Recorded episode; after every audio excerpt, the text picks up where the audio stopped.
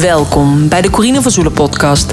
Jouw wekelijkse kijk op een nieuwe wereld. Met vandaag Elisa van Schoot. Ja, ik kan me echt een wereld voorstellen waarin uh, we langzaamaan de trauma's opruimen. En waarin we langzaamaan um, meer emotionele volwassenheid bereiken. En de helft van de mensen ongeveer is onveilig gehecht. In, uh, blijkt uit Nederlandse statistieken. Dan denk ik, ja, dat kan ook gewoon veel beter.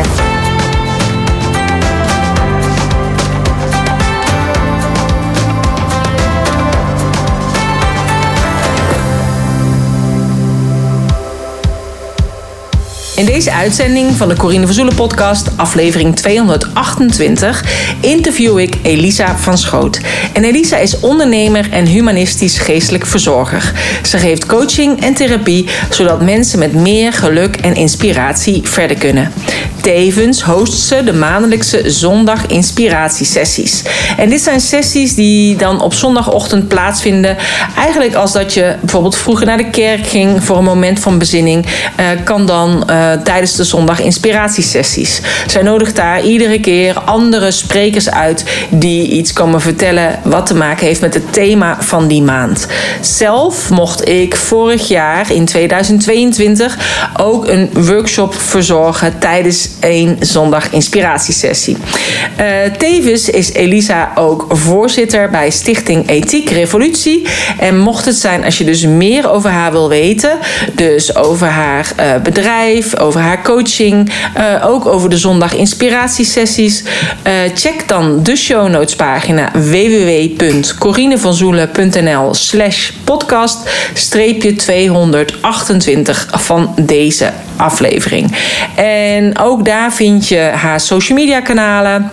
Maar ook vind je daar een linkje wat je, waar je je mailadres kunt achterlaten, zodat ik je op de hoogte houd als er weer een nieuwe podcast vrijkomt. En mocht het zijn als je ook meer wil weten van gratis video's die ik aanbied, um, dan kun je die dan ook vinden op die show notes pagina. Bijvoorbeeld de 15 online verdienmodellen als jij ook interesse hebt in het online ondernemerschap. Of als jij graag een online magazine over blauwprint. Of als je meer wil weten over ChatGPT en hoe ik daar tegenaan kijk.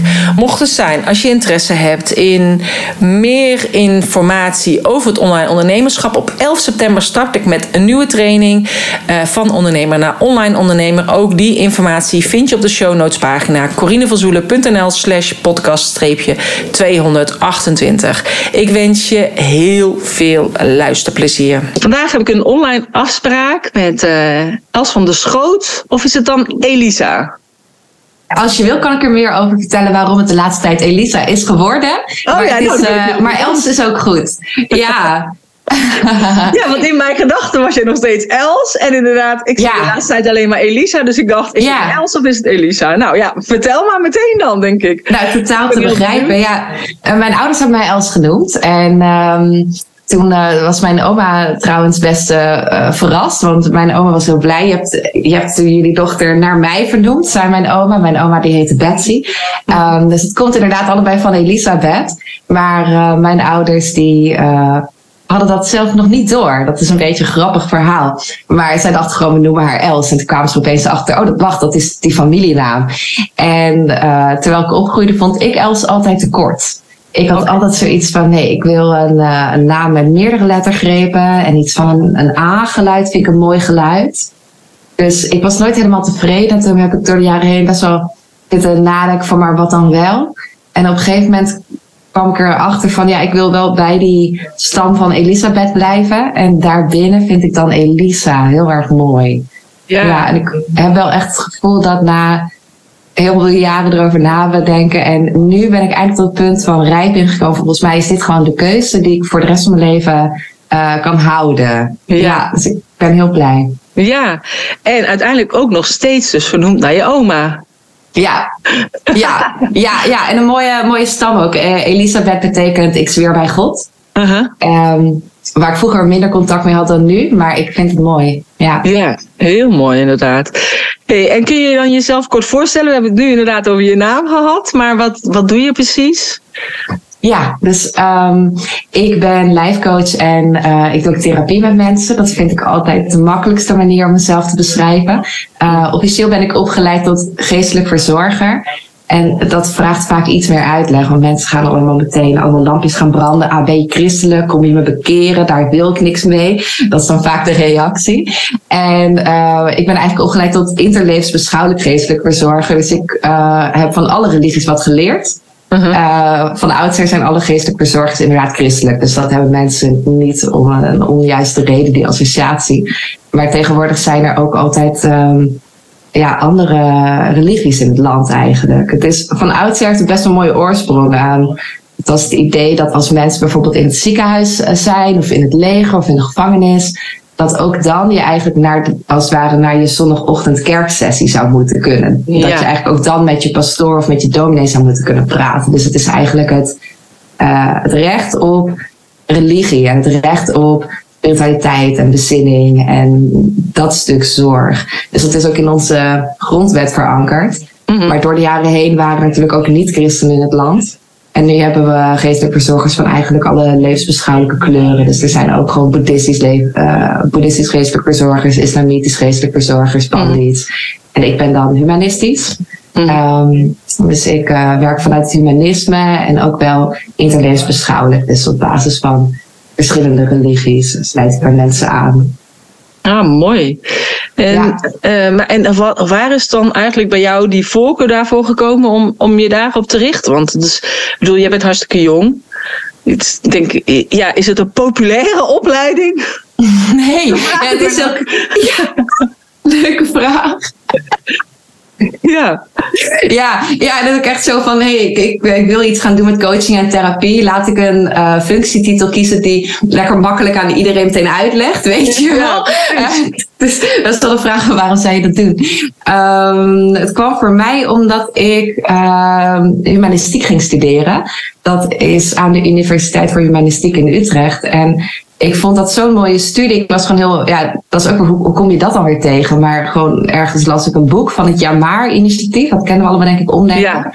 En ergens hebben zij een boek waar een onderzoek wordt aangehaald dat op die universiteit is uitgevoerd. En toen dacht ik meteen, wat, wat is dat voor universiteit? Dat heb ik nooit van gehoord. Het klinkt van interessant, humanistiek. Wat is dat? Ik doe die website en ik kwam erachter, dat was eigenlijk precies waar ik naar op zoek was. Op dat moment, terwijl ik in 6 VWO op zoek was naar een studie om te gaan kiezen. Ja. Het, het, combineert psychologie en filosofie en uh, sociologie. En het gaat over zingeving. En het gaat over um, rechtvaardige samenleving. En heel veel mooie waarden. Dus ik ben gewoon heel blij naar die universiteit gegaan. Want dit zijn mijn interesses. Ja. En ik had ergens in mijn achterhoofd van ik zou iets willen doen met mensen. Iets van coaching. En eigenlijk was geestelijk verzorger was vanaf, vanaf daar gewoon de, um, een gebaand pad of zo om te kiezen, om het maar zo te zeggen. Mm -hmm. Ja, en ik vind het een fantastisch mooie professie, want um, eigenlijk, um, ja, er komt echt een bepaalde diepgang in dat beroep. Wat je soms wel kan missen als je bijvoorbeeld een psycholoog bent of een uh, maatschappelijk werker. Niet in de zin dat die mensen geen diepgang kennen, maar in de zin dat die mensen vaak ook niet in de functie zijn waar ze echt de tijd bij mensen mogen nemen om echt diep te gaan bezinnen. En als geestelijke verzorger mag je, ik heb een blauwe maandag in de psychiatrie gewerkt, daar mag je gewoon rustig een uur met iemand gaan praten. Um, en dat hoeft helemaal nergens heen. En dat wordt niet aan bepaalde uh, latten, wordt niet naast bepaalde, langs bepaalde latten gelegd. Mm -hmm. um, ja, het is een mooie, ja, bijzondere professie om echt zo die spiritualiteit erbij te mogen halen. De mensen levensvragen te mogen stellen. En, um, ja, ik, ik vond het een heel mooie opleiding om te doen. Ja. ja. Maar en uh, zeg maar, je hebt het dan over die levensvragen. Dus dat, die, dat komt natuurlijk ook naar voren in jouw coaching. Ja, dus, ja, maar klopt. zijn het dan echt hele grootse levensvragen waar mensen dan echt helemaal in verzuipen? Of kunnen dat ook gewoon hele mm. kleine dingen zijn dat ze wel meteen richting geeft in hun leven? Of hoe moet ik ja, het dan voor me zien? Ja, vaak gaat het wel samen, vind ik. Heel vaak uh, komen mensen met heel grote levensvragen aan. Mm. En dan uiteindelijk, als we het echt gaan uitpluizen, dan blijken er ook bepaalde kleinere vragen in te zitten. Uh, voorbeeldje, laatst was er een cliënte die zei: Ik ben mijn de zin van het leven kwijt of zo. Um, En toen gingen we dat een beetje uitpleisen. Uiteindelijk kwam het erop aan dat er gewoon bepaalde doelen waren waar zij, of verlangens, waar zij niet naartoe aan het leven is. Dus toen, werd opeens, toen werd, kwamen er opeens heel concrete vragen uit, zoals um, wanneer weet ik of ik klaar ben om mijn nieuwe carrièrepad in te slaan? Of um, uh, zal ik het dan toch maar doen, het gesprek met mijn partner over dat ik graag een kind wil? Um, dus dan zie je dat uh, grote levensvragen vaak ook wel weer verbonden zijn met. Uh, iemand kan ook depressief zijn en dan eigenlijk ligt het aan bijvoorbeeld niet genoeg assertiviteit. Mm -hmm. Dus zo, um, ja, grote leesvragen, kleine leesvragen. Ja, oké, nou leuk. Hey, en ik ken jou eigenlijk dus van de zondag inspiratiesessie. Je had het net al een beetje over die zondagochtend. Um, hoe ben je daar dan bij gekomen om dat dan inderdaad te gaan organiseren en ook online? Nou ja, echt heel erg verweven inderdaad met dat achtergrondverhaal van die uh, zondagochtendsessies um, in de kerk, zoals we ze vroeger kenden. En op een gegeven moment valt dat, valt dat stuk kerk weg. En dan hebben we in Nederland inderdaad een soort leegte in onze zingeving qua het stuk spiritualiteit. Uh, vervolgens zie je dan ook wel weer in deze tijd dat mensen heel erg aan het floreren zijn door gewoon uit allerlei verschillende religies te plukken. Mm. Zoals een stukje, een stukje inspiratie uit misschien nog het, gewoon het christendom, maar ook dan wat inspiratie uit het boeddhisme of uit de yoga. Of mensen zijn zo lekker aan het plukken en uh, aan het. Ja, en vervolgens is er niet één instituut dat al die mensen verbindt. Die zo lekker aan het rondplukken zijn. Ja. En, um, en, en, en toch hebben mensen wel heel erg behoefte aan community ook. Het is ook best een tijd, een periode uh, waarin mensen zich uh, eenzaam kunnen voelen. Um, meer heb ik de indruk dan bijvoorbeeld een eeuw geleden, toen er meer vaste verbanden bestonden. Mensen als we geboren werden in de community en dat was je community. En daar. Dus um, nou, toen hebben we eigenlijk bedacht van we gaan inderdaad gewoon een soort zondagochtendsessie waar mensen opzetten. Uh -huh. uh, waar mensen die community kunnen vinden. en waar tegelijkertijd de spiritualiteit heel vrij mag uh, zijn wat wat meer voelt als een soort buffet waar je langs loopt. En dan inderdaad van, oh, dat vind ik interessant, dat vind ik interessant. Dit is niet meer de tijd waarin mensen graag onderworpen willen worden aan dit is de waarheid, dit is het ene systeem. Um, ik denk dat mensen deze tijd veel liever gewoon een soort van open handreiking, uh, mooie uitnodiging, warme sfeer, uh, waar ze gewoon zelf hun eigen inspiratie mogen opdoen zoals zij, zoals het hen inspireert. Mm. Ja, en, uh, en hoe, hoe ziet zo'n zondagochtend er dan uit? Ja, voor, de, voor, de, voor de kijkers, Corine is natuurlijk zelf al geweest. Ja, uh, ik ben al geweest, ja, dat zei ik, daar ken ik jou van. Dus ik mocht zelf vorig jaar ja. inderdaad uh, spreken.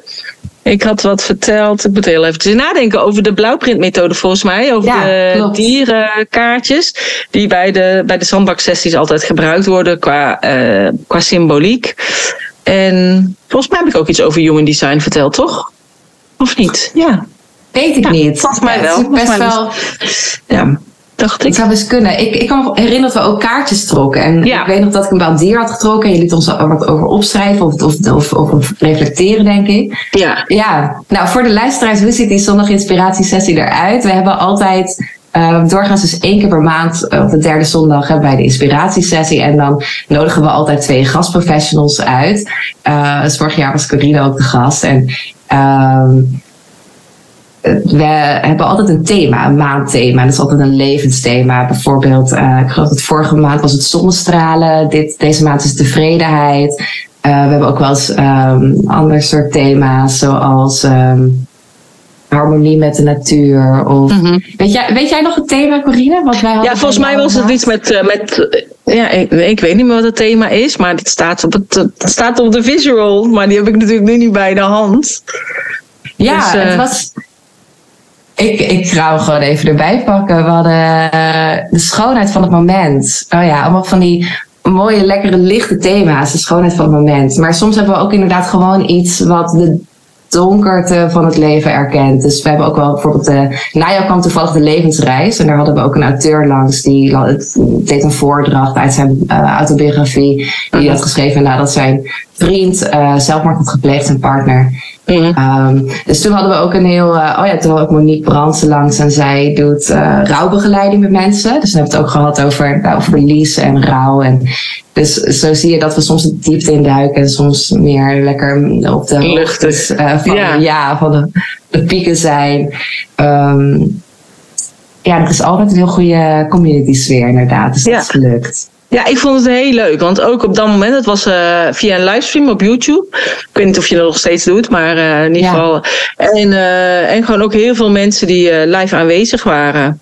Dus het, gewoon via Zoom en dan toch daar. Dus ook leuk dat je die andere mensen. Ik vond het leuk dat ik de andere mensen allemaal zag. Dat ze de vragen konden stellen in Zoom. Maar dat er dus ook nog heel veel mensen bij, vanuit die YouTube meekeken. Dus. Ehm, ja, leuk. En ja, voor mij ook wel weer eh, bijzonder. Dat ik dacht, oh, wat mooi dat dat ook bestaat, zeg maar. Hè? Omdat je daar gewoon, ja, ik had er geen weet van of zo. dus, uh, maar heel erg leuk. Ja, en leuke gasten ook inderdaad elke keer. En met die andere mevrouw, ja, had ik al tegen jou gezegd, had ik nog steeds contact mee. Dus die heb ik ook nog steeds gevolgd. Dus uh, nou, wel heel erg leuk. En uh, dus hoe lang doe je nu al deze, deze zondag inspiratiesessies dan? Sinds uh, oktober 2021. Ja, dus anderhalf jaar nu, zoiets, hè? Uh-huh. Ja. Ja, ja, ja. Ja, ik denk dat het nog wel een tijd doorgaat. Ja. ja, zeker. Ja. Nee, en heb je dan ook, want het is wel echt een hele hechte groep al, had ik het idee. Weet je, echt mensen die er echt elke maand bij zijn. Ja, hè?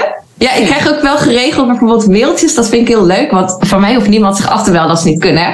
Maar er komen dan toch inderdaad geregeld mailtjes op die zondag zelf binnen. Van, oh, ik was er echt heel graag bij geweest. Maar ik, mijn, mijn, mijn, mijn man is jarig. Of uh, de, kat, de kat moet naar dierenarts. Of, uh, ja, het is echt een leuke, hechte groep eigenlijk. Ja. Um, ik herken wel bepaalde gezichten inderdaad van, oh, dat zijn de stamgasten. Um, zeker als mensen ook een camera aan hebben, niet iedereen doet dat, maar dan zie je ook inderdaad, herken je ook de gezichten. En denk je, oh ja, daar is Janneke weer, of daar is Nelly Jane weer, of daar is Johan weer, of daar is Teddy weer, of daar is Eline weer. Ja, dat is super gezellig om, uh, om al die mensen te, te herkennen. ja.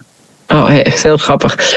En um, zeg maar, hoe is dan jouw, jouw reis begonnen ook een beetje als ondernemer zijnde? Want je hebt dit natuurlijk neergezet. Het is echt heel erg leuk om dat ook inderdaad elke maand te doen. Maar wat is dan precies de, ehm, de verdere stappen of zo die je dan wil nemen binnen je bedrijf met, vanuit de life coaching?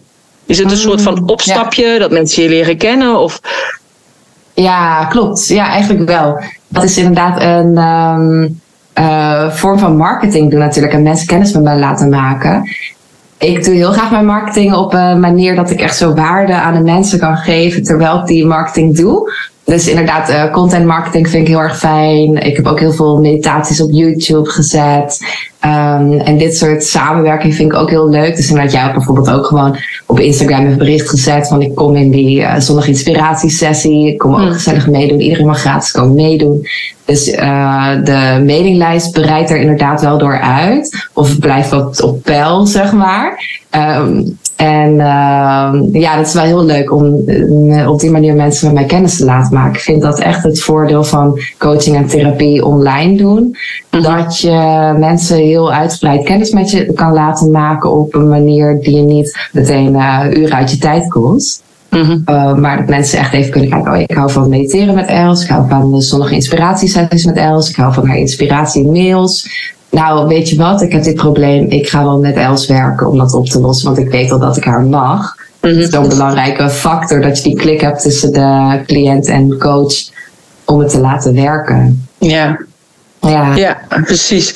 Maar uh, kijk, en dat is natuurlijk heel veel mensen die denken ook van ja, ik wil niet uh, online of ik ben niet goed in de marketing of ik, uh, ik wil niet te verkoperig overkomen. Terwijl ik, het enige wat ik altijd zeg is als je inderdaad zorgt dat je jezelf bent, dan zit je op een bepaalde frequentie en dan komen de juiste mensen, die komen gewoon naar je toe. En, maar dat is vaak de uitdaging. Hè? Wie ben ik? Wat doe ik? Waarom wil ik het doen? En op welke manier wil ik dat doen? En ik denk dat eh, dat je altijd je eigen manier daarin mag vinden. En het is gewoon heel mooi dat jij dat op deze manier hebt gedaan. Want hierdoor blijf je en heel dicht bij jezelf. Hè? Het past helemaal in jouw uh, ja, denkwijze en zo. Dat ja, voor jou dat belangrijk is, die zondagochtend. En, dan, uh, en het dan toch zo weet in te steken dat inderdaad meerdere mensen je volgen. En op die manier ja. naar je toe komen. Ja, ik vind dat ook, heeft me ook echt even gekost om te mogen ontdekken wat mijn manier van marketing was. Daarnet vroeg je ook van hoe is jouw reis begonnen als ondernemer? En uh, op een gegeven moment is het gewoon uit passie geboren. Mijn zus en ik wilden een website maken over levensgeluk en onze tips delen die wij door het leven heen leerden. Mm. En uh, um, volgens mij, wij hadden ook dat grappige gesprek bij het vorige webinar. Uh, van, toen hadden wij geen idee hoe we een verdienmodel moesten opzetten eigenlijk. Mm. Uh, we zaten gewoon met een beetje met fingers crossed van, nou, misschien gaan verdienen, verdienen we nog geld aan ook of zo. Ja. en dan inderdaad door de jaren heen uh, ontdekken van welke manier past dan wel bij me. Ik heb een coaching, business coaching traject gevolgd mm. bij een coach die mij heel erg eigenlijk aanraadde om uh, uh, persoonlijke gesprekjes met mensen aan te gaan. Bijvoorbeeld in een Facebookgroep die je dan zelf runt. En dan uh, vanuit daar mensen een gratis sessie aanbieden. En tijdens die gratis sessie um, aan het einde natuurlijk een traject aanbieden. En daar natuurlijk verkoopbezwaren wegnemen en dergelijke. En het was gewoon helemaal niet mijn, mijn persoonlijke manier. Ik nee. snap echt wel dat er andere mensen zijn die houden van oeverloos gesprekjes met mensen aanknopen. Om ze een gratis sessie aan te bieden. En dan een lekker spannend verkoopgesprek. En ik snap het wel dat andere mensen ervan houden. Maar zelf krijg ik dan telkens weer dat gevoel van, ah, ik ben een beetje mijn eigen tijd aan het verspillen. En ik ben een beetje de tijd van de ander aan het verspillen. Maar het is puur voor mijzelf dat ik dat ja. zo voel. Omdat ik niet zo hou van kleine mini-gesprekjes die dan wel of niet tot iets leiden. Dan geef ik mensen liever gewoon een mooie eh, gratis meditatie. En ja. dat ze op hun eigen tijd een intakeformulier kunnen invullen. invullen. Ja. ja. Ja, ik, ik heb het zelf ook. Ik, zou, ik, ik voel me dan helemaal opgelaten. Want ik denk dan: oké, okay, die wil mij iets verkopen. En, uh, en dus ik doe dat zelf ook niet. En ik heb wel gesprekken soms, weet je wel. Er zijn mensen die gewoon automatisch instappen in mijn training. En, uh, en die, die niet eens een gesprek aanvragen. Maar ik heb ook mensen die wel van tevoren een gesprek aanvragen. Uiteindelijk hebben ze dan al besloten. Alleen willen ja. ze dan mij toch nog eventjes persoonlijk spreken. Uh, zodat ze ja, zeker weten ja. en even voelen van ja, het is echt de juiste beslissing. En ja, ik, ik hoef mensen ook niet te overtuigen of zo. Dat wil ik ook niet, weet je wel? Dus. Uh, mm. Dus jij bent ja. ook niet iemand die mensen net even die uh, over de streep. Uh, nee, bent, nee. Nee. Nee, en ik denk, en als het dan nu niet uitkomt, of mensen zeggen nee, ik heb er nu niet de tijd voor, of, of het geld voor, dat zijn de meeste bezwaren hè, tussen ja. haakjes. Uiteindelijk is het zo, als je echt iets heel graag wil, dan maak je er tijd voor, of dan is daar het geld voor. Zelfs als dat je een hele grote reis wil maken dan ga je daar ook voor sparen. Of als je gaat trouwen of weet ik wat, dan is dat geld er ook. Uh, dus dan is het verlangen nog niet groot genoeg. Ja. En dan denk ik van ja, dan, dan is het nog niet het juiste moment. Dus, uh, en dan is het ook goed. Want het moet voor beide kanten, moet het zeg maar positief zijn, zeg maar, hè, voor both of our goods. Dat, het, dat we er allebei, uh, ja, plezier uithalen uh, om met elkaar te werken. Dat is tenminste zoals ik erover denk. En um, ja, en uiteindelijk komt het dan dus later, op een later tijdstip. Als ze dan wel voelt van, ja, oké, okay, nee, nu, uh, nu ga ik ervoor. En dan is iemand ja. ook echt gemotiveerd. In plaats van dat hij anders dus overgehaald zou zijn door mij, maar niet die zelf die ja. intrinsieke motivatie heeft. Ja, ja, absoluut. Ja, ja, voelt beter. Ja. ja, voor mij voelt het in ieder geval beter. Ja. Ik ben ook niet zo van, ja, je moet nu beslissen. Weet je wel, nu tijdens mm. uh, dit uh, verkoopwebinar of zo. Weet je wel, nee, ik denk mm. gewoon, uh, ik doe inderdaad wel soms een aanbod. En dan zeg ik, ja, dat is tot morgenavond geldig. Zodat ook als mensen vanuit Human Design bijvoorbeeld emotioneel zijn aangestuurd, er ook letterlijk en figuurlijk nog een nachtje over kunnen slapen. Mm. En ja, en, en dan krijgen ze bijvoorbeeld een extra bonus erbij. En hoe dichter ik richting een lanceerdatum ga, hoe minder bonussen. Ja. Uh, maar ja, voor mij, ja, dat vind ik wel fijn om dat op die manier te doen. Om er dan dus iets extra's bij te geven voor degene die dan al, al, al eerder voelt van ja. Ja. Maar ja. Uh, ja, dus balans of zo, hè? Ja. Ik, ik, heb, ik had vroeger een beetje het gevoel, oh, ik moet kiezen. Ehm, ofwel ik moet mensen onder druk zetten, ofwel ik moet mislukken als ondernemer. Uh, om maar even heel gechargeerd te zeggen. Ja. En uh, nu heb ik meer het gevoel dat uh, nee, je kan er echt je eigen balans in vinden. maar eigenlijk welke weg je ook kiest, kost ook gewoon tijd. Om ja. want ik dacht vroeger van, oh, dit lukt nog niet goed. Want ik zet mensen niet uh, onder druk zoals het uh, quote zou moeten. Ja, ja uh, ik dacht daarom ben ik nog niet een succesvolle coach. Of daarom, um, daarom ben ik nog een beetje zorgen aan het maken. Kan ik volgende maand weer mijn huur betalen enzovoort. Um, nu denk ik, ja, wat jaren verder denk ik, ja, het zat allemaal al gewoon eraan te komen toen. Was het ook nu van, het is gewoon langzaam uh, bouwt een praktijk zich op. Precies, het heeft tijd nodig. Ja. Mensen moeten je leren kennen. En ik denk ook daarin werden we nog weer uitgedaagd om bij onszelf te blijven. Dat je denkt van ja, oké, je huurt dan zo'n coach in, hè, voor heel veel geld ook. En die zegt van ja, je moet het zus of zo doen. Ja, dat, je kunt het doen, maar het is niet je pad. Want dan ben je diegene aan het kopiëren. En ik denk dat het belangrijkste is dat je je eigen pad gaat volgen. Dus gaat ontdekken wie ben ik. En dat kan bijvoorbeeld door middel van human design of door middel van uh, uh, astrologie of systeemopstelling of wat ik ook doe bijvoorbeeld met de zandbaksessie. Zodat je weet, oké, dit ben ik. En dit wil ik neerzetten vanuit, meer vanuit je onderbewustzijn. En eh, eigenlijk al meer vanaf je zielsverlangen. En doordat je dan meer dat pad gaat volgen, zal alles ook meer in, in flow gaan komen. En ja, en ik denk dat daarom we ook anders zijn en dat ook, ja, dat mag ook gewoon in die nieuwe wereld zitten. En daar zijn we al in, op voorbereid. In alle mm. struggles en tegenslagen die we hebben gehad. en ook dus inderdaad met het kiezen van bijvoorbeeld een verkeerde coach. Mm. Ja, maar ja, dan, het enige wat je daar dan eigenlijk van hebt geleerd is: ik wil het niet op die manier doen, ik doe het anders. En dan heb je er uiteindelijk ook nog wat van geleerd. Dus ja. is het ook goed, snap je? Ja, ik had ook een bepaalde manier nodig om inderdaad even de verschillende marketingwegen naast elkaar te zien. Ja. En echt even dat overzicht krijgen. Ik heb verschillende business coaches gevolgd. En op een gegeven moment echt dat overzicht hebben van, oh ja, je kan content marketing doen, je kan netwerkmarketing doen. Uh, je kan het dus of zo doen. Je kan er wel of niet bij adverteren. Je kan het met een webinar verkopen, maar je kan het ook met mails verkopen. Of met video's die je vooraf of niet. Lijkt niet. Maar die, al die manieren even een beetje zien. En dan uiteindelijk inderdaad mijn eigen uh, weg daarin kiezen. Ja. Dus nooit af. Het blijft natuurlijk ontwikkelen. Um, maar ik uh, ja, ben wel blij op dit punt. Dat ik niet meer zo mijn hoofd aan het breken ben over hoe doe ik mijn marketing op een manier die integer voelt. Misschien ook nog leuk is. En ook gewoon effectief is. Ja, ja, en uiteindelijk een soort van machine is geworden, ook tussen haakjes. Omdat het nu wel, ja, het staat vast. Je kunt vooruit werken, mensen sprekers zoeken voor die, uh, voor die ochtend. En in het begin heb je daar die kinderziektes en nu zal dat allemaal gewoon meer gesmeerd lopen. En, en als dit dan inderdaad lekker loopt, dat je dan kunt kijken, oké, wat kan ik hier nu naast doen? Wat eigenlijk in lijn ligt met en wat ook bij jou past.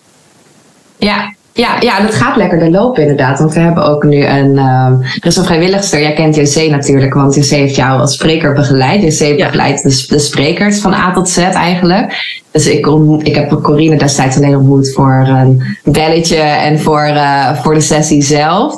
Um, dus dan ja, gaat inderdaad die machine uh, gesmeerder lopen. Als je een fijne vrijwilliger hebt die is ingewerkt. En nog een VA ernaast die alle mails en social media inplant. Dus eh, dan blijft er voor mij ook steeds meer alleen maar het stuk over waar ik echt op aanga. Om die sessie, de inhoud te bedenken en te geven en met de sprekers samen te werken. Ja. Nou, mooi. Hey, en wat voor uh, thema's komen er aan? Deze podcast, ongeveer in, uh, deze podcast komt ongeveer uh, in juli uit. Dus ik bedoel. Dat... Ja, leuk. Leuk, leuk, leuk. In juli hebben we uh, deze, dit jaar geen, geen, geen sessie, omdat dat mijn vakantiemaand is. Maar daarna zijn we in augustus terug. Um, en het thema nou, het thema kan ik niet per se beloven, want ik ga nog met deze man praten. Maar Bert van de Wetering is een uh, zangdocent. Hij geeft online uh, zangcoaching en zangcursussen. En we gaan gewoon met z'n allen zingen komende oh, zondag. Ja, ja, ja, ik denk dat het heel erg leuk wordt. Hij, uh, ik heb het met hem overlegd en we hebben ook gewoon geen tweede gastprofessional die maand. We hebben gewoon alleen maar Bert. Dus we gaan alleen maar zingen. En uh, ik, ja, ik ben zelf heel erg van het zingen.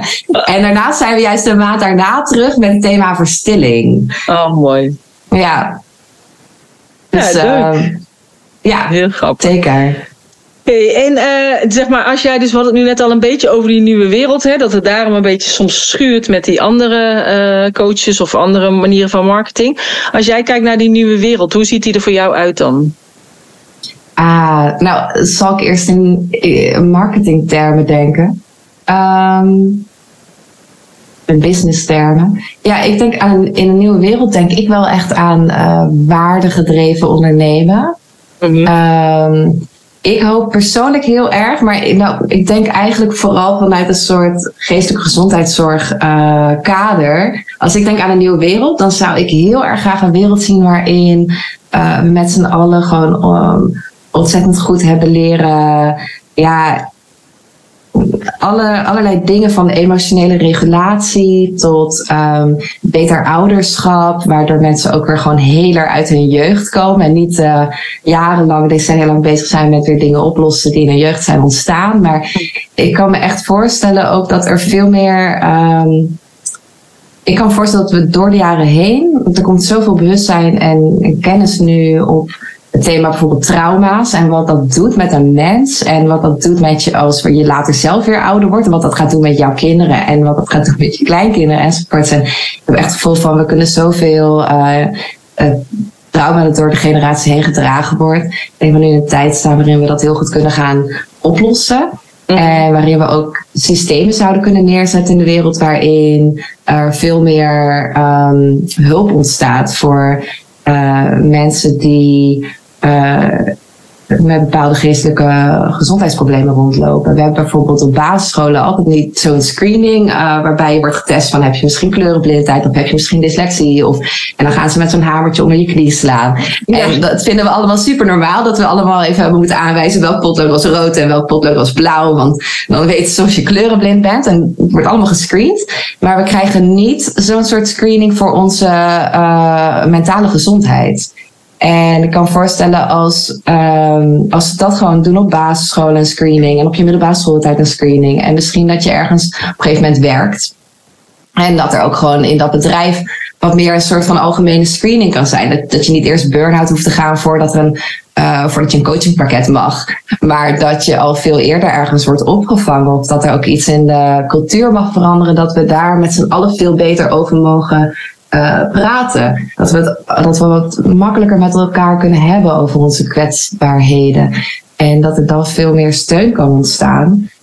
Ja, ik kan me echt een wereld voorstellen waarin uh, we langzaamaan de trauma's opruimen. En waarin we langzaamaan um, meer emotionele volwassenheid bereiken. En de helft van de mensen ongeveer is onveilig gehecht. In, uh, blijkt uit Nederlandse statistieken. Dan denk ik, ja, dat kan ook gewoon veel beter kijk naar hoeveel relaties er inderdaad stuk gaan.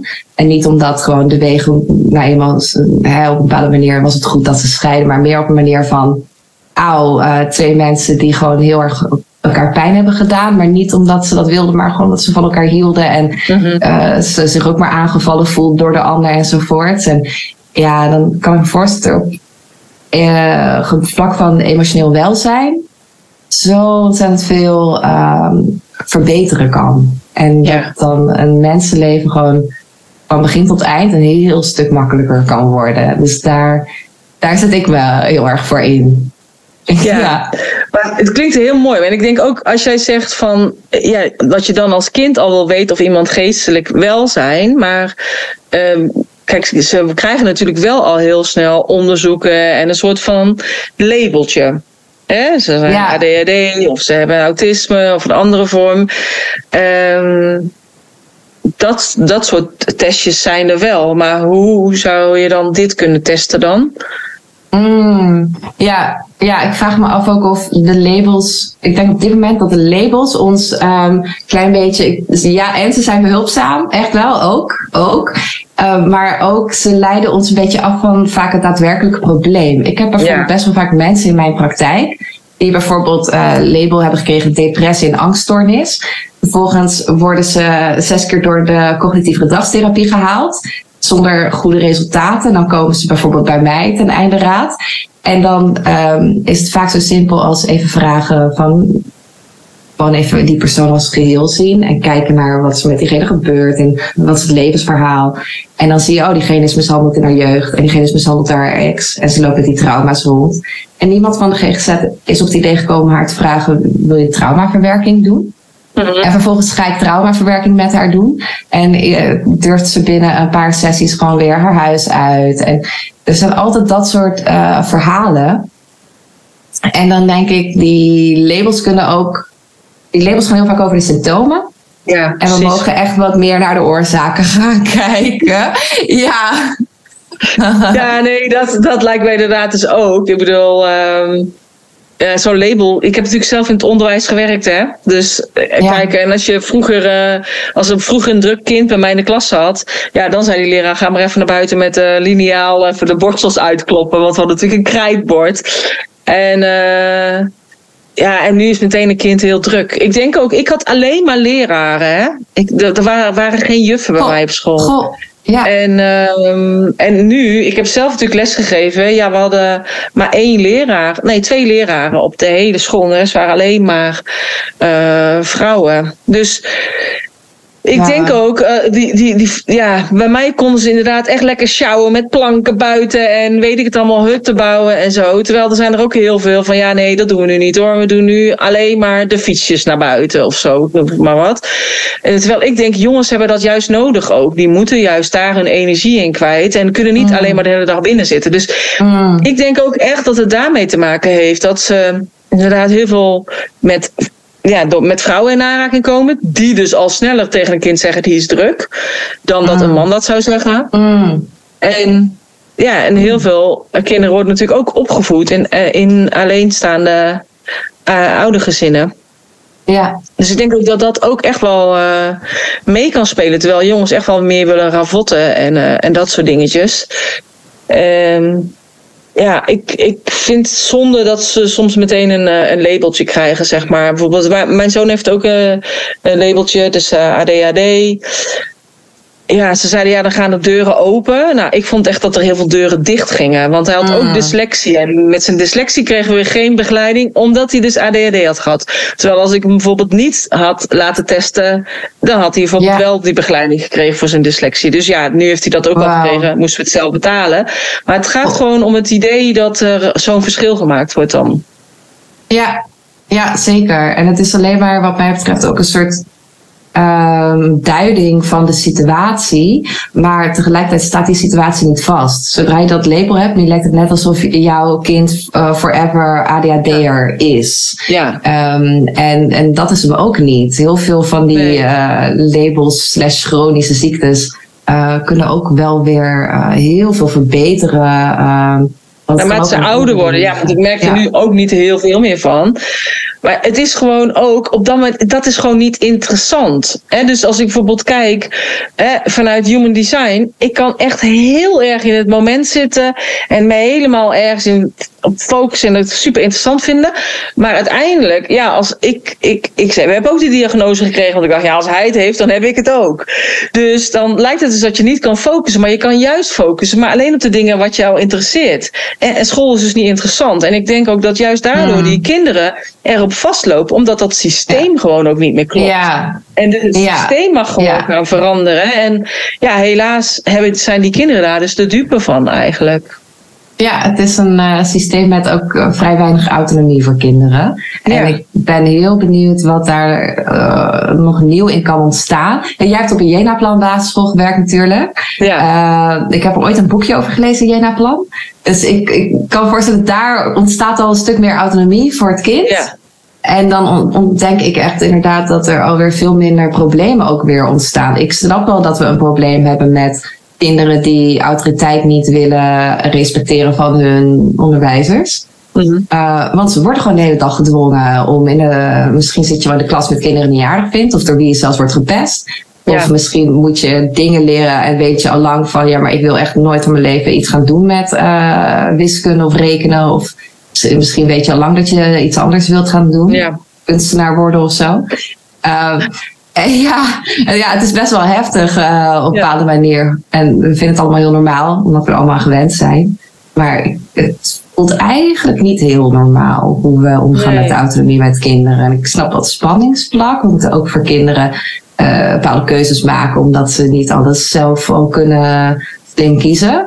Maar toch, ja, bij mij is het gevoel dat er geen balans nog in is in hoe we met autonomie van kinderen omgaan. Nee, nee, en ik denk wel dat het eraan gaat komen hoor. Dus aan de ene kant dacht ik ook misschien was regulier makkelijker voor hem geweest, weet je wel, klassikaal onderwijs. En aan de andere kant denk ik ook, juist niet. Want nu is het inderdaad, je hebt die ene plan, dat waren er zeg maar acht groep drie, acht groep vier, acht groep vijf. En dan uh, deed je met elkaar verschillende groepjes een opdracht. En dan leer je ook weer van die oudere kinderen. En daar heeft hij heel veel ook van uh, geleerd. Mm. En omdat hij wel goed was in rekenen, mocht hij al meerekenen met oudere groepen. En dan met taal, dan uh, weet je wel, deed hij dat alles nog een keertje over. Dus dat is wel weer het voordeel van uh, Jena-plan. Als lerares is het best wel uh, pittig, want je geeft instructie aan groep 3, aan groep 4, aan groep 5. Dan ga je weer.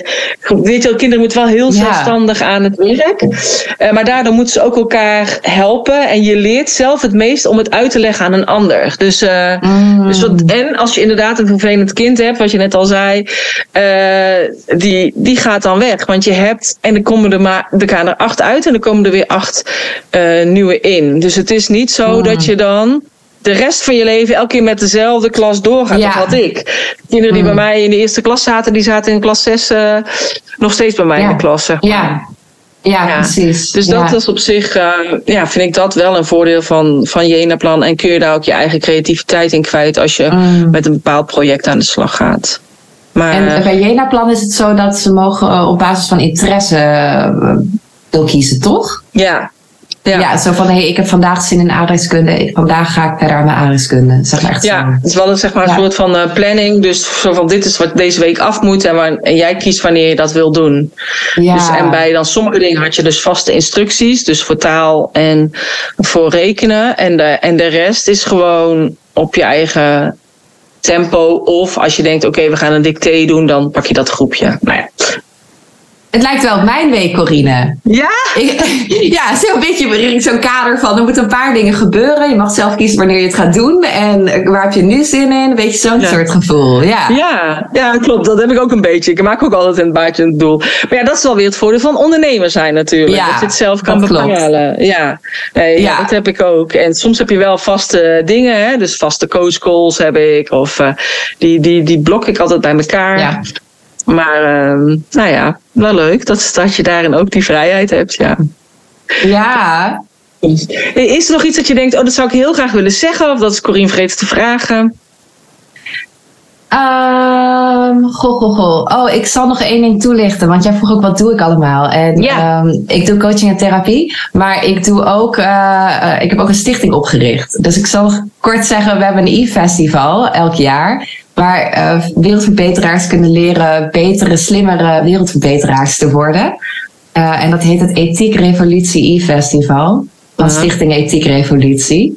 En we zijn ook bezig een paar andere festivals op te gaan zetten de komende jaren. Ja, dus ook weer de, de vrijheid van de entrepreneur. Hè? Ja, lekker, je, lekker je waarden en je passies kwijt kunnen. Ja, ja. heel mooi. Hey, en wat voor stichting is het? Wat doe je daar precies mee dan?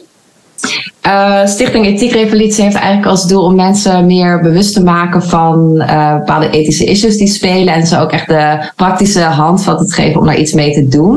Mm -hmm. uh, het is eigenlijk geboren uit het idee dat als ik kijk naar de wereld om me heen, dan denk ik, oh, er zijn zoveel problemen van klimaatopwarming tot oorlogen, tot de dieren, de bio-industrie. Um, en dan denk ik altijd um, waren er maar meer mensen die uh, daarover nadachten en hun schouders eronder zetten. En eigenlijk bij die, dat verlangen is eigenlijk die stichting geboren. Om eigenlijk op een heel leuke, toegankelijke wijze mensen bij elkaar te brengen rondom de, de, de, de issues die we hebben in de wereld. En ze echt uh, ja, de juiste informatie en inspiratie te geven om daar een lichte manier mee aan de slag te gaan. Ik denk dat ethiek namelijk ook echt een stuk zingeving is voor mensen. Ja. Dus, um, dus mensen, we zien ook wel inderdaad, mensen halen er ook gewoon heel veel uit om in zo'n community te komen van andere mensen die ook allemaal echt graag de wereld willen verbeteren. En mm. En dat samen te doen en niet het gevoel te hebben van, oh, ik ben de enige hier die telkens de fiets pakt in plaats van de auto enzovoort. Ja. Maar wat meer het gevoel te hebben van, oh ja, er zijn heel veel andere mensen die dat ook zo doen. En, um, en alle vragen die je hebt, van dan sta je weer in de supermarkt van, ga ik nou de biologische aardbeien in plastic kopen of de niet-biologische aardbeien uh, zonder plastic? Dat, zo, uh-huh. dat soort, dat soort dilemma momentjes in het leven. En moet ik nou, is het nou handig om de zwerver op de, op de straat iets te geven of kan ik maar beter alleen doneren aan, het, uh, aan de organisatie die die zwervers uh, helpt. Nou, allemaal, allemaal dat soort, um, allemaal dat soort uh, vragen beantwoorden op het e-festival. Dan hebben we dus webinars van ja. verschillende organisaties en ook professoren of coaches en dergelijke. Ah, Oké, interessant. Ja. je hebt het net natuurlijk vooral over de, over de um, de juiste informatie gegeven. En ik denk dat dat heel erg belangrijk is, vooral met dit thema inderdaad. Omdat er natuurlijk ook, uh, ook daarin weer heel veel ja, misinformatie is. Uh, ja, Klopt, op allerlei vlakken. Hè? Dus ik bedoel, uh, dat, dat een denkt, ik ben heel goed bezig met mijn elektrische auto. En uiteindelijk ben je helemaal niet goed bezig met een elektrische auto. Of uh, ik, ik, als ik hier naar uh, Harderwijk rijd, dan heb ik gewoon alleen maar zonnepanelen in de wei. Dan denk ik, ja, ik kan me ook niet voorstellen dat dat nou echt beter is voor de natuur. Mm. Ik heb dan mm. toch liever bomen die dus nu allemaal gekapt zijn voor die zonnepanelen. Dus ah. in, ik, ja. ja, dus wat is nu beter voor de natuur? Nou, om nou, allemaal zonnepanelen neer te leggen, lijkt mij ook niet, weet je wel. Dus ik denk dat het heel goed is om, om, om alle kanten te bekijken. En uh, ja. Ja, dat zijn van die ingewikkelde vragen inderdaad. Van uh, een, een, oude diesel afrijden of een nieuwe elektrische auto of... Uh, ook altijd de vraag van, uh, stel je wordt veganist, maar wat als, de wat als je dan alsnog tofu aan het eten bent en dus alsnog sojabonen? En waar komen dan die sojabonen vandaan? Gelukkig meestal uit Frankrijk en niet van onze zon overigens. Ja. allemaal dat soort vragen. En zoals dat stuk van die zonnepanelen, ja, ik zou, ik, ik zou me eigenlijk gewoon meteen uh, Milieucentraal een webinar willen geven, laten geven. Van, weet je, dit zijn de vragen die we hebben en hoe zit dit? En, ja. uh, en, en, en ook heel vaak de vraag van hoe kun je met een kleine actie zoveel mogelijk impact maken? Dus wat zijn, de, wat zijn de kleine acties die we kunnen nemen die heel grote impact hebben? Versus alle, alle, alle acties die we doen die eigenlijk maar heel weinig impact hebben. Ja. Soms ook heel fijn als iemand met kennis van zaken tegen kan zeggen: hier en hier mag je ook wel mee stoppen. Mm ja, als ja. ja, ik denk gewoon inderdaad, vroeger had ik op school hangen bij godsdienstles, verbeter de wereld, begin bij jezelf. En ik denk dat dat het inderdaad is, dat als je zelf inderdaad daar bewust van bent en, uh, en dus inderdaad denkt, ik ga hier naar de lokale boer en daar koop ik inderdaad mijn aardbeien, uh, dan is het ook... Uh, uh, dichterbij, maakt hij, maakt hij minder kilometers. Als ik nu bij de Albert Heijn zag ik uien liggen uit Nieuw-Zeeland. Goh uien. Terwijl ik denk, ja, ik zit hier op de polder en ik haal ze altijd bij de boeren. Maar nu, dus, en, en, dan, mm. zijn ze biologisch en dan haal ik mijn uien en mijn eieren en uh, tomaten. En, en daar heb je ook gewoon de kaas, zeg maar, uh, uh, die allemaal hier, allemaal streekproducten. Maar nu had ik dus uien nodig en ik dacht, ja, dan moet ik als helemaal weer daarheen rijden. Ik haal het even bij de Albert Heijn. Ik zie gewoon daarna echt, ik kan, ik kan het je laten zien, maar echt een labeltje erop staat Nieuw-Zeeland. En dan dacht ik, het zijn gewoon uien. Weet je, wat kosten die dingen? Die kosten niet veel. Maar moet je kijken hoeveel kilometers die hebben afgelegd om hier te komen. Dat kan, dat, dat, kijk, als we het dan hebben over de stikstofuitstoot of weet ik veel wat, dan denk ik van ja, weet je wel, dan staan, zijn de boeren hier beter dan dat wij het moeten laten invliegen. Of uh, zeg maar de druiven uit Egypte of uh, uit Afrika. Ja, het slaat helemaal nergens op. Ja, het is ja, ik heb het gewoon niet gekocht. Ik dacht, ik ga het gewoon niet kopen. Ik wil gewoon. Ik zou, nee, ik, ja, nee, interessant. Ik zou ook gewoon niet weten van waarom. Waarom komt dat uit Nieuw-Zeeland? En dan denk ik ook meteen weer van, nou, we gaan het vragen aan uh, die of die, weet je. Wel. Aan de Albert Heijn. Ja, hier hebben we ook. Ja. Dat ik denk, ja, ik zou gewoon echt uh, een klacht willen indienen bij de Albert Heijn. Waarom komen die uien uit Nieuw-Zeeland? En waarom Mooi, niet hier ja. vanuit de boeren uit de polder? Omdat ik het gewoon echt. Kijk, dat het allemaal uit Afrika komt. Nou, daar ben je dan ondertussen gewend. Slaat eigenlijk ook nergens op. Maar Nieuw-Zeeland? Zo ver weg. Zo ver weg.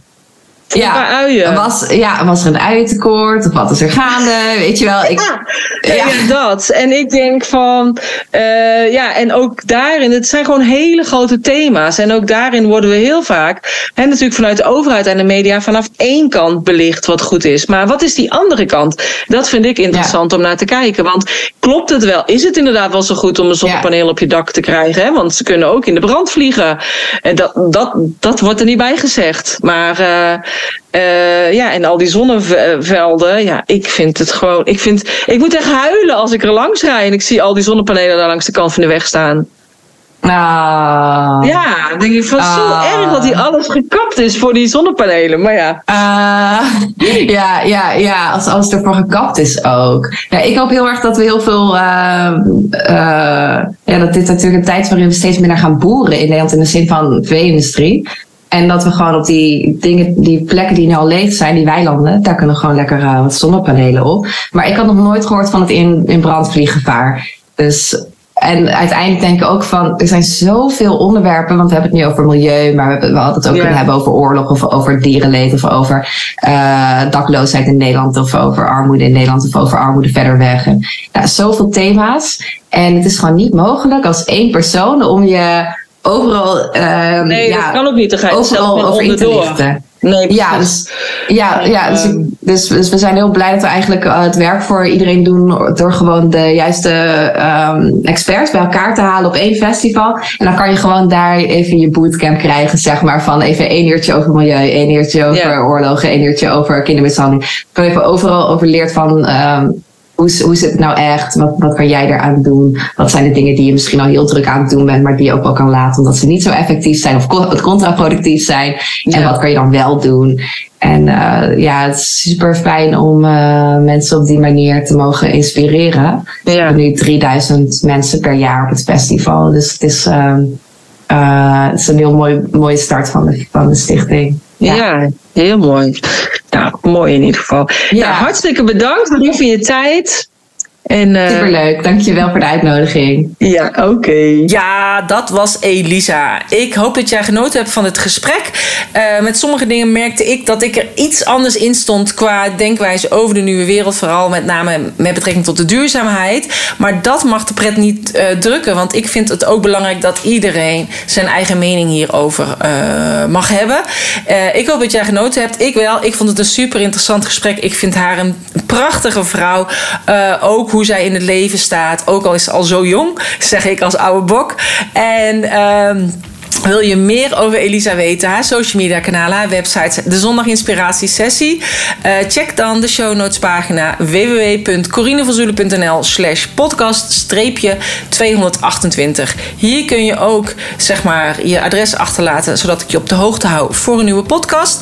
Maar ook kun je daar... Um, uh, meer informatie vinden over de online training van ondernemer naar online ondernemer. Als ook jij in september uh, wil beginnen om uh, te leren hoe je een online programma kunt maken op je eigen online platform.